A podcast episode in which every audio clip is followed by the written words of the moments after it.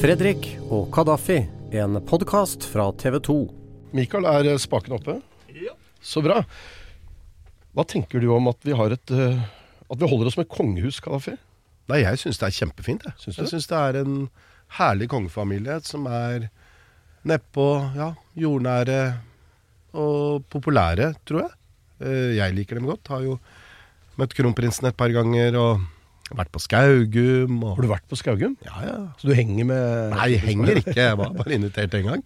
Eh, nei, jeg syns det er kjempefine folk. Ja. Jeg har hilst på de, da. Jeg har vært, uh, vært på tur med kronprinsen. En uke fulgte jeg ham i, i øh, Colombia. Det er fin fyr, da. Ja, kjempespennende. Og det var, han var på et oppdrag der for FN. Han uh, engasjerte i klima og miljø. Så vi var i jungelen i Amazonas og oppe i Andesfjellen. Og en spennende tur. Jeg vet ikke om det er noen sånn internasjonal eh, på en måte undersøkelse, men jeg tenker nok at vår kongefamilie har god støtte hos uh, folket. Det er bare noe Jeg tror Vi det. vet, vi vet at de har det. Uh, det merker du, for det er jo ingen som Ingen av partiene på Stortinget, selv ikke Rødt, som orker å ta denne saken veldig sterkt opp. Vi vet jo at flere av politikerne mener at det er feil at vi har en monarki og ikke er en republikk. Ole Jørgen Skjulsrud Hansen, TV 2s egen eh, kongehusekspert. Deres Majestet kalte jeg deg da du kom inn her i sted. Men det, det ble feil. Ja, det er vel dere som er majestetene her, som jeg svarte. Kong Fredrik. Ja, Jeg, jeg vil bare ha, opp dette her igjen. Jeg vil at vi skal gjenta det eh, når vi er på lufta. Um, hva, hva syns du om at vi har en monarki? Det er jo øh, kanskje selvsagt hvilken, øh, hvilken side jeg støtter opp i det hele. Det står vel godt skrevet i panna mi at jeg er for monarkiet, og mener at det er en, en øh, god styreform slik vi har den i dag. Eh, selvfølgelig Den historiske biten er noe helt annet. og jeg, Selv om jeg innimellom tuller med at jeg mener at vi skal tilbake igjen til eneveldet, så er jeg ikke så reaksjonær. Kjenner du kongefamilien? Nei. Jeg har ikke møtt, har møtt de? eh, Nei, jeg har ikke møtt uh, verken eh, kongen eller dronningen eller kronprinsen. Men broren min har møtt begge to, for han var i Forsvaret. Så han, har, han sendte noen ganske hoverende meldinger til meg på Snapchat Ja, ja. etter han hadde møtt både kongen og kronprinsen. Men da skal vi invitere deg Vi gjør det, Kadafi, når kongen og dronningen og kronprinsen kommer på besøk til oss. eh, når vi skal ha program med de. Ja, det gleder jeg meg til. Det, det ser jeg frem til. deg, For du truffeter. Men de er godt likt, ikke sant?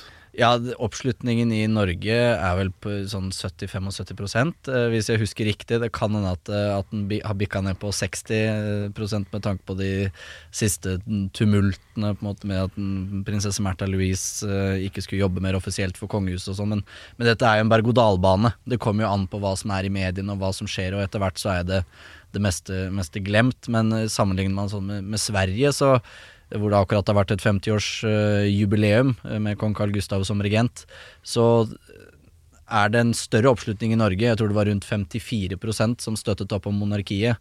I, eh, i, eh, I Sverige også var det 26% som rett og slett ikke brydde seg.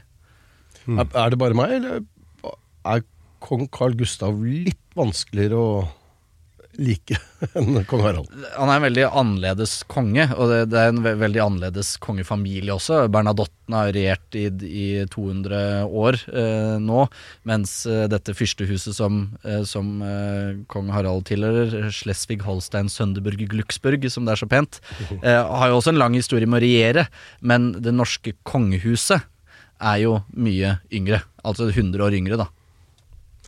Eh, før du og Kadafi kom inn her nå, så slo jeg av en prat med en som virkelig ikke vil at vi skal ha monarki.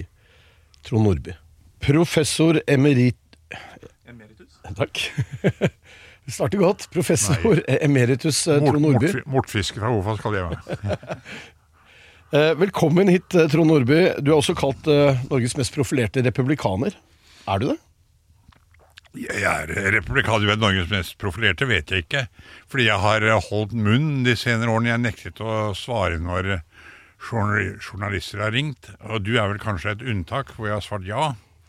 Men jeg har svart nei i mange år. Jeg har nektet å stille opp, for jeg ble så lei av det. For eh, jeg har jo tross alt eh, studert eh, historie veldig inngående, særlig 1800- og 1900-tallet. Og monarki er bare en, en sidespor. Men journalisten, når de får et, en som er villig til å svare på det Nå er det en med da håret ligger som en rullegardin nedover begge, på begge sider. En veldig dannet person. som snakker om monarki, så nå er det ikke de der røffe angrepene. Hater du monarkiet? Nei, nei, jeg har stor respekt spesielt for uh, kong Harald, er en veldig flott figur. Og jeg er vokst opp på landsbygda selv, og jeg ser for meg han som en av kallene som sitter på butikktrappa og tar av seg capsen og, og slår seg på låret og skratter, og den var god. Så han er den typen, og jeg hadde en tannlege som seilte. Han hørte da kongen var ikke klar over at det, lyden bar godt på havet. Og han, da hadde han ropt 'det er godt å komme vekk fra kjerringa', han hadde sagt. Han er veldig folkelig i stilen. Ok, um, Men eh, tenker du at eh, kongen eh, kanskje ville vært han fyren som satt på den benken utenfor butikken? Ja, det kunne han, han ha godt ha vært. Han er svært eh, folkelig. Altså Selv om du da ikke hater monarkiet, så har du jo en motstand mot det. Du mener at det er feil styringsform. Jeg mener at vi trenger ikke det symbolet. Og spesielt fordi eh, monarken har steket ut av urtidståka med hermelinkapp og krone. Og han er vel ingen institusjon som har overlevd så mange endringer, og allikevel blitt stående og kanskje klart å vokse. Han var ribbet for all makt i etter 1905. Men i dag så har han eh, klart å bygge opp igjen, eller de har klart å bygge opp igjen det symbolske monarkiet. Så det har blitt en styrke. Så nå reiser jeg rundt i norske bygder, og de har satt som mål å besøke alle norske kommuner. Og, og der møter da barnehagebarn opp med blomster og bunader og med glitrende øyne. Og så spiser de trøndersodd når de er på Trøndelag og sier det er veldig godt. Og de spiser kumle på Vestlandet og, og kanskje mote hvis de skulle få ville seg opp på Finnskogen hvor jeg kommer ifra. Men eh, det er jo bare lattervekkende alt sammen, og det er bare Det har rådgivere. Og de har blitt veldig forsiktige. Det har blitt kritisert bl.a. av undertegnede. For f.eks. å ta imot uh, ganske kostbare gaver. Som f.eks. at kongen har fått betalt fasanjakt i Litauen etter å ha åpnet et varehus, Harimihagen. Og kronprins uh, Haakon og Mette-Marit har seilt uh, Middelhavet rundt med en luksusbåt i million, kanskje milliardklassen. Og der sluttet de med etter et uh, kraftig angrep, så tror jeg jeg holdt tilbake de tingene som ble mer og mer stillfarende. Men nå har jeg sluttet å være vaktbikkje for det, for jeg syns det blir så misforstått. For alle tror at jeg hater monarki, det gjør jeg ikke, slett ikke i det hele tatt. Jeg syns det er ganske søte og met, uh, Märtha Louise, er det vel hun heter. Denne sjamanismen som hun da nå har funnet en mann som driver med, det er bare tull og humbug. Jeg tror ikke på engler og ikke på åndelige vesener, verken med eller uten vinger, som jeg har skrevet i en bok. Men hun gjør det åpenbart, og han eh, forsvinner da folk for store beløp både for disse myntene, som da skal hjelpe mot et og annet. Og det er da en skikk som oppsto i Sibir langt tilbake i tid, sjamanismen. Og den har han da videreført. Og han er selvbestaltet sjaman. Han er ikke valgt sjaman. Det i, I samiske miljøene så er det da en, en rolle som går i arv, kanskje til eldre og spesielt kloke mennesker innenfor samesjiktet av samer. Men eh, det er en gammel skikk som ikke som veldig få tror på i dag. Men eh, Märtha Louise tror åpenbart på det. Men ø, som republikaner vil du ikke da omfavne nettopp sjamanens inntreden i kongefamilien? Det vil jo kanskje på sikt bidra til å svekke monarkiet? Ja, jeg har jo tenkt på det, og jeg, jeg må jo innrømme at det godter meg litt. Jeg syns det er ganske komisk. Og kong Harald sa han er jo amerikaner, så han forstår ikke hva norske monarkiet står for. Men han forstår i hvert fall ingenting om sjamanisme og hva, hvor, hvilket humbug det er. Og Märtha Louise hadde jo da denne engleskolen. Og hun fortalte en gang at eh, hun hadde vært så mange engler i rommet at det fjerne lå rundt. Og da var det en ganske våken eh, forsker fra Tromsø som sa det. Hvorfor sendte du ikke inn en fjær til prøve for å se hvem av dine forfedre som var i rommet? Og Det hadde hun da åpenbart ikke gjort. Men det synes jeg var en skikkelig punktering av dette tullet.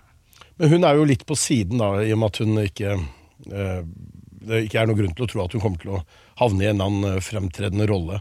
Ja, men hun er jo i, i rekken av tronfølge, men ganske relativt langt nede. Da må vi også komme med en advarsel til våre lyttere nå. Og det er at hvis du er eh, monarkist, så kan det være at du Bør skru av.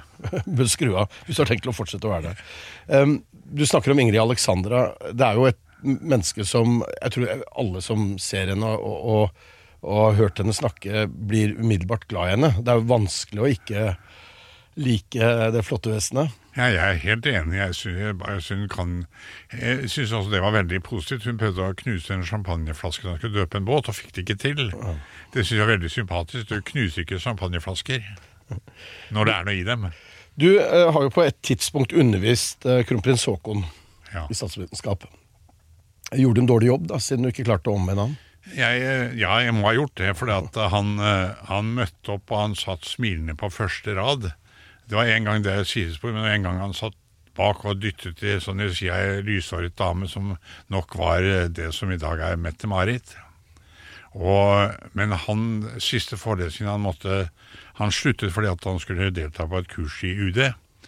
Og da sa jeg siden det er siste time du er her, så kan jeg holde et, en forelesning om hvorfor trenger Norge republikk. Og da satt han bare og smilte.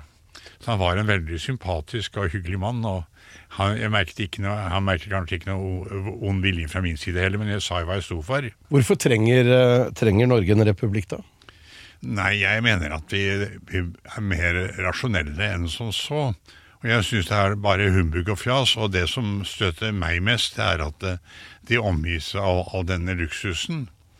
Jeg syns det er latterlig at vi har eh, at vi har et overhode, formelt overhode, som er bare basert på luksus og, og, og fjas. Det syns jeg er det verste av alt. Men eh, jeg har en venn, eh, Eivind Smith, som er professor i juss, emeritus, ikke emeritus, for han var, ble professor før den regelen kom. Så han er ekte professor til han dør. Og han sa det at det er en, en styrke ved monarkiet, og det er at det gir da de som møter i statsråd, en, en større ærverdighet, ærbødighet, en, en, større ære å sitte der. Så de, de tar oppgaven mer alvorlig. Jeg håper at det ikke er det som har fått alle til å underslå penger og, og begynne å spekulere vilt i aksjer.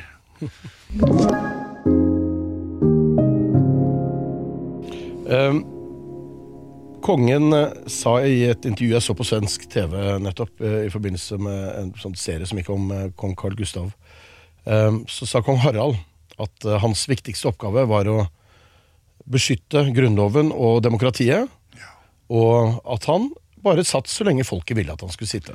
Ja, det er en sympatisk holdning, men at han beskytter Grunnloven er noe veldig tvilsomt. Det at man ikke har hatt en debatt siden vi fikk konge i Norge i 1905, hva, hva tror du det skyldes?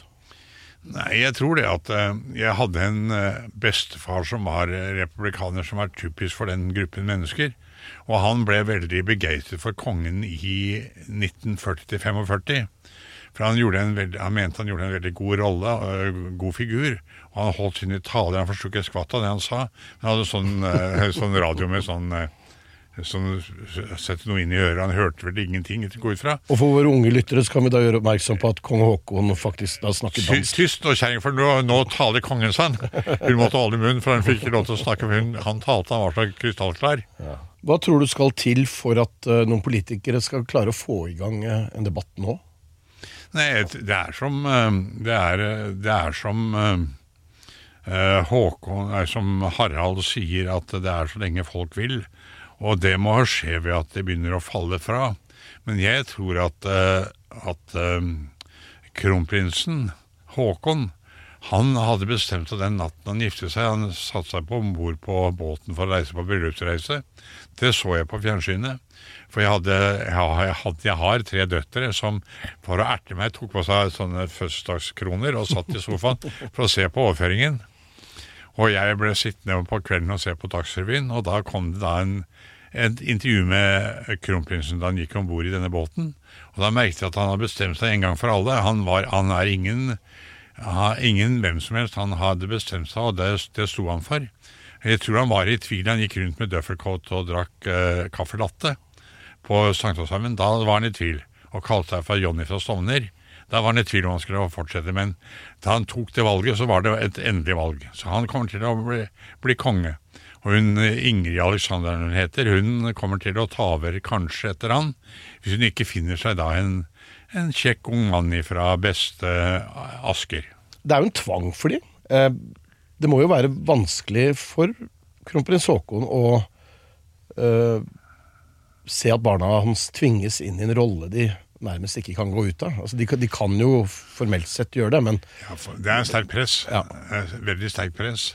For at jeg tror nok kanskje at det, han hadde stor eh, respekt for eh, kong Olav også.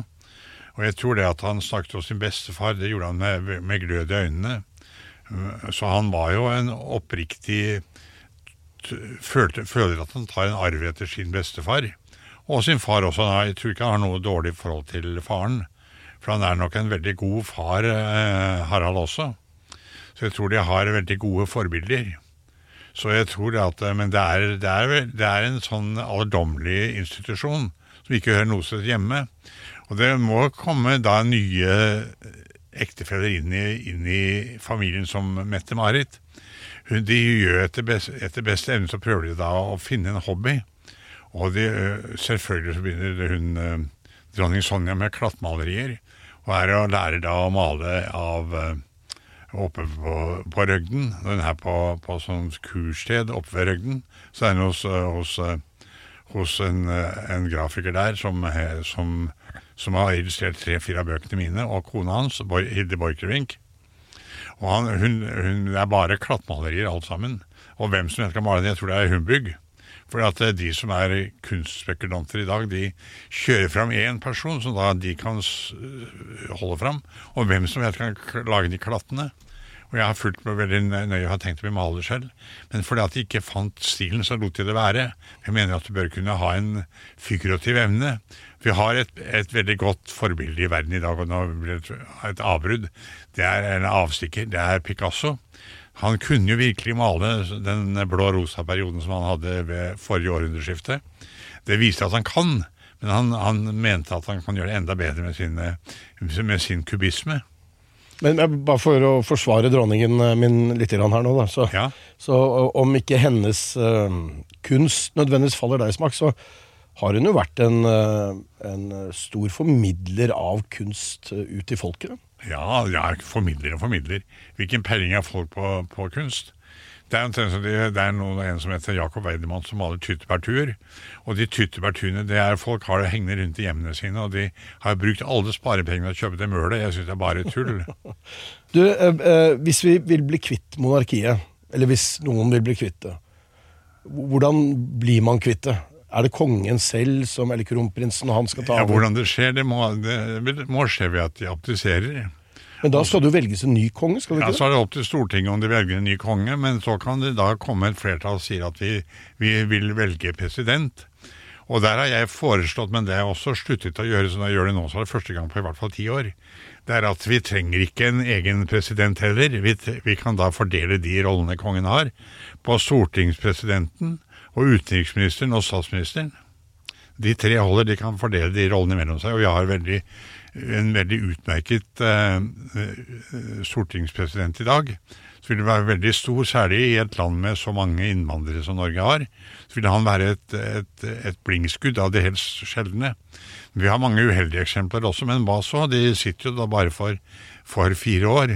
Noen tenker, Vil du ha Carl I. Hagen som president? Det er noen som har spurt meg mange ganger. Ja, vil du det? Selvfølgelig- Nei, jeg vil ikke det, selvfølgelig ikke. Men jeg syns han er ikke noe verre han enn mange andre. Altså, du tenker at uh, vi ikke skal velge en president, men at det skal være en president som Stortinget velger, da?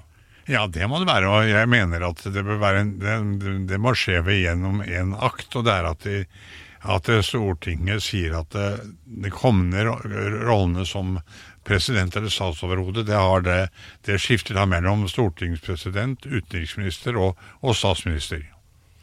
Var det en mulighet når eh, kong Harald nådde pensjonsalder? For han, han er jo over normal pensjonsalder nå.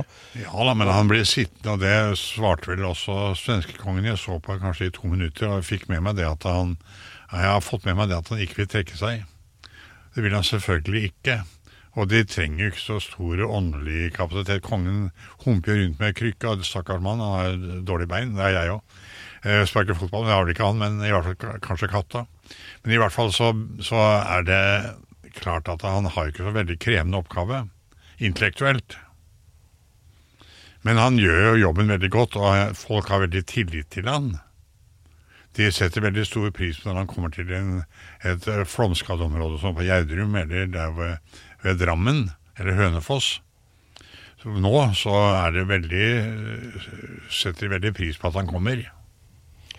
Du har eh, sagt eller skrevet at eh, kronprinsen får holde seg til å klippe røde snorer og ligge unna politikk og næringsliv. Ja, det, han har jo gått over streken der. Når det gjelder å klippe snorer, så er det, så er det kanskje den oppgaven de satt med i 1905. For da ble kongen virkelig ribbet. Men så fikk de en del sånne, sånne symbolske oppgaver, annet og Davos-møtene av kronprinsen der var veldig tvilsomme. For det er selvbestandet uh, uh, institusjon, hvor da møter næringsdrivende som ikke blir valgt ut av noen, ikke av folket. Men de er da en selvbestattet gruppe som avgjør framtida, og hva de skal gjøre, hvis de kan gjøre noe. Og det kommer veldig lite ut av det. Det er en ærefull en ære, ære, æresbevisning når de får lov til å bli invitert av møter. Når tror du monarkiet opphører å eksistere i Norge? Nei, jeg, som jeg sa, så tror jeg kanskje at eh, det i hvert fall vil vare fram til til og med kronprins Haakon tar over. Og jeg tror Harald er så mye sjuk nå, så han kommer vel ikke til å leve så mange årene. Så i løpet av la oss si de nærmeste fem årene, så er det stor sannsynlighet for at, eh, at vår eh, konge heter, heter Håkon. Den åttende blir det da. Trond Nordby, tusen takk for at du kom. Selv takk. Ja, Ole Jørgen, her ble det jo sagt ting som du reagerte på. Ja, det er jo Det reagerer for, for, det meste med, med, med litt latter på noen av de finere formuleringene til uh, professor Nordby. Og han uh, det, Dette handler jo om en, en prinsipiell sak, da, om du, du er pri, prinsipielt imot monarkiet eller ikke. Og, og rent prinsipielt, så ja, kanskje det ikke passer inn i, måte, i den moderne verden. Da. Det er en anakronisme med at det, det høyeste embetet i staten går i arv. Men så er det jo et uttrykk som heter at uh, ingen regel uten unntak. Så kanskje i, selv i det sosialdemokratiske Norge, så passer det å ha nettopp et slikt statsoverhode, fordi at det skiller seg så mye fra alt annet i samfunnet. Uh, og som professor Nordby sier, kongen har ikke hatt noe makt siden 1905. Eh, Den eneste makten han har, er symbolsk. Eh, Kong Haakon 7. truet med å abdisere i 1913 fordi statsminister Gunnar Knudsen ønsket å fjerne ordensvesenet. Ordensvesenet var en eneste orden, men det var det som skilte kong Haakon fra å være konge. Og det å være en storfyrste, eller lofotjarl, som han eh, selv beskrev det som. Og vi- hvis en skal dra hele det sammen, så er det bare symbolet som er igjen av monarkiet. Men det symbolet er ganske viktig, og den symbolske uh, makten er mye mer synlig enn den reelle. Og det kan jo bare ta eksempler med eh, utdelingen av krigskors i 2011. Så ble det uh, mange store mm, oppslag om det at kongen ikke fikk dele ut krigskorset. Noe som var viktig for både kongen og for uh, den veteranen som skulle motta den. Men hva syns du om eh, det professoren sier? Altså Blir du provosert, eller var det bare sånn nei, dette er en gammel mann og Nei, jeg blir Jeg, jeg, jeg tenker sånn at vi, vi må alle få lov til å ha våre meninger om, om monarkiet, og jeg eh, er jo så interessert i det at jeg skjønner at folk kan ha noe imot det. Eh, men jeg er også der at hvis det første du sier i diskusjonen om monarki eller ikke er de tar skattepenga våre, da pakker jeg snippesken og går. For det er useriøst. Da er du ikke inne i tanken om monarki i det hele tatt, og ikke prøvd å sette deg inn i det som er plussidene ved monarkiet, da. Men det koster 300-400 millioner kroner i året. Eh, ja, det gjør det, men så er det jo da er det mulig å gjøre et regnestykke på hva de gir tilbake. Det var en, et, eh, en kommentar i Aftenposten den 2. september av Anita Krohn Traaseth, tidligere eh, leder i Innovasjon Norge, som skrev om nettopp det. Hva er verdien av kongehuset, hvordan kan vi gjøre et regnestykke på det? Og at i britisk sammenheng så er det gjort det, og at enhver brite, eh, eller om det var, jeg husker ikke om det var England eller Storbritannia regnestykket var gjort på, men at enhver brite tjente 8,5 pund i året på å ha monarkiet. Det er ikke et minusprosjekt. Og så kan du se på kroningen. Ja, kosta nesten en milliard, eh, milliard pund. Ja, kroningen av Charles. Ja, kroningen av, kroningen av kong Charles kostet nesten en milliard pund. Men eh, de inntektene som landet fikk, da, eller i hvert fall på en måte det, verdiskapningen av kroningen, var på 1,7 milliarder pund. Så det er altså 700 eh, millioner pund i kall overskudd, i hvert fall i en eh, verdiskapning av eh, kroningen, da, selv om den kostet mye for skattebetalerne i en cost of living crisis som det er i, i Storbritannia nå. Hva er det kongehuset gjør, da? Altså, du sier at de, de skaper uh, verdier, men hva er det de gjør for noe? Bortsett fra å klippe snorer, da. Det, det er jo som vi sier for tull. Jeg har sett de klippe snorer òg, jeg, men Ja, og det er jo en, en del av jobben. Det er en del av jobben å være det representative statsoverhodet. Uh, og så har de De er jo Norges fremste ambassadører. Og det er noe helt annet at His Majesty the King of Norway eh, kommer til en eller annen konferanse enn at det er The Prime Minister of Norway. For at det er ikke noe Du har ikke, du har ikke en historisk linje som går eh, tilbake igjen til Harald Hårfagre. Rent teo Dette er veldig sånn legendarisk at kong Harald skal ha slektskap helt tilbake igjen til Harald Hårfagre. Eh, men du har en tanke om noe overhøyd som gir eh, gir deg en tanke om at dette skal vises respekt. Da kong Harald var på statsbesøk i, i, i Russland i 1998, så eh, ble det stilt spørsmål rundt om utenriksministeren og president Jeltsin skulle gå og diskutere eh, grensene oppe i Svalbard eller et eller annet, jeg husker ikke akkurat hva Det var noen grenser i havet i alle fall som skulle, skulle bestemmes. Eh, og da la president Jeltsin armen om Hans Majestet Kongen og sa 'Harald og jeg tar dette'. Professoren snakka jo også om eh, sjamanen. Føler du at eh, hans inntog i familien på en måte ødelegger for kongefamilien? Det ødelegger ikke for, for kongefamilien, men eh, det, eh, det setter prinsesse Märtha Louise i en vanskelig situasjon. Nettopp fordi at eh, prinsessen er datteren til kongen, og derav så setter det kongen i en vanskelig situasjon. Det er ikke sånn at en befolkning skiller veldig Eller befolkningen i Norge skiller veldig mellom prinsesse Märtha Louise og uh, sjaman Durek Verret. Det er på en måte De, de skal jo gifte seg eh, 31. august neste år, og da blir det jo på en måte et, et par og mer en enhet. En enhet de allerede har, har eller er. Eh, så det setter eh, Det legger en liten skygge over monarkiet når det kommer uheldige uttalelser fra den kanten. Men jeg tror ikke det vil påvirke monarkiet negativt i lengden. Dette var en, en diskusjon som ble tatt veldig mye i november i fjor, før prinsesse Märtha Louise frasa seg sine offisielle plikter, og så blei det stille og rolig egentlig fram til påske, før sjaman Durek Verret ga ut denne påskesangen eh, og hadde denne father-in-law calling. Eh, Men siden da så har det vært ganske stille, så det har jo vist at de i hvert fall har et ønske om å forholde seg til de reglene som er satt, og som sørger for at eh, prinsesse Märtha Louise kan være prinsesse, men også eh, fremtidig ektefelle for eh, Durek Verrett. Jeg har vært eh, Jeg har møtt eh, hennes kommende ektemann, eh, og han er jo en interessant eh, person. Jeg tenker jo at han bidrar til å gjøre kongehuset langt mer spennende enn det ellers ville vært. Ja. Ja, så er det, det dette, dette litt alternativet er ikke noe, noe nytt i, i kongelig forstand. Uh, en kan dra det veldig langt tilbake til, til kong Karl den 13. av eh, Sverige og Karl den tredje av, eh, av Norge, altså den første unionskongen, eh, som var en okkultist og grunnla den svenske, fri, svenske frimureriet. Den høyeste frimurerordenen, holdt jeg på å si, altså en ridderorden innenfor frimureriet, er Karl den 13.s orden. eh, Som da er grunnlagt av Karl den 13. Og så har du kong Charles, den tredje av Storbritannia, har også vært en alternativ figur. eh, På en måte hatt, hatt litt alternative Hippie? mening. Ja, ish. Eh, Du kan nesten si det sånn med, med det økologiske og på Highgrove, at alt skal være økologisk og det skal være riktig, og han prater med plantene sine. ikke sant? Det blitt latterliggjort. Det samme med miljøengasjementet, som også har blitt latterliggjort.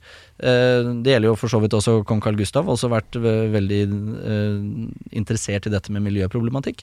Men, men det er bare Det er en tilvenningsfase også med dette alternativet som vi vi må bli litt vant med. Og så var det jo noen veldig uheldige uttalelser og noen skriverier i denne boken til sjamanen som satte sinnene i kok, og noe podkastgjesting han hadde, og prata om diverse sexliv som kanskje ikke burde vært prata om. Men det er en lærdom, og jeg tenker at vi må eh, huske på hva kong Harald sa. Disse amerikanerne skjønner seg ikke på monarkiet. Hvis eh, Trond Nordby og andre republikanere får viljen sin, hva i all verden skal du leve av? Det er jo alle de andre avsatte kongehusene. Da. Det, er, det e- eneste, eneste monarken jeg har prata med, er jo en avsatt monark. Som er Simeon 2. av Bulgaria. Som nå i sommer skulle ha regjert, hvis han fortsatt hadde vært konge av Bulgaria, i 80 år, for han var seks år gammel da han ble konge.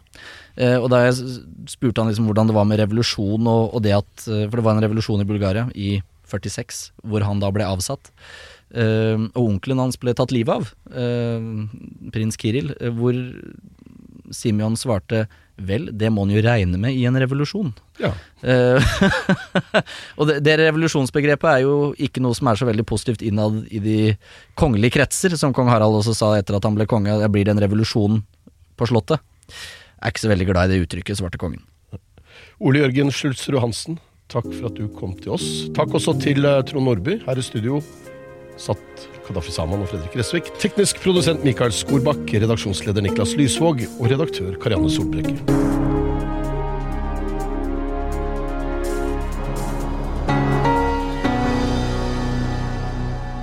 Denne podkasten er produsert av Bauer Media for TV 2.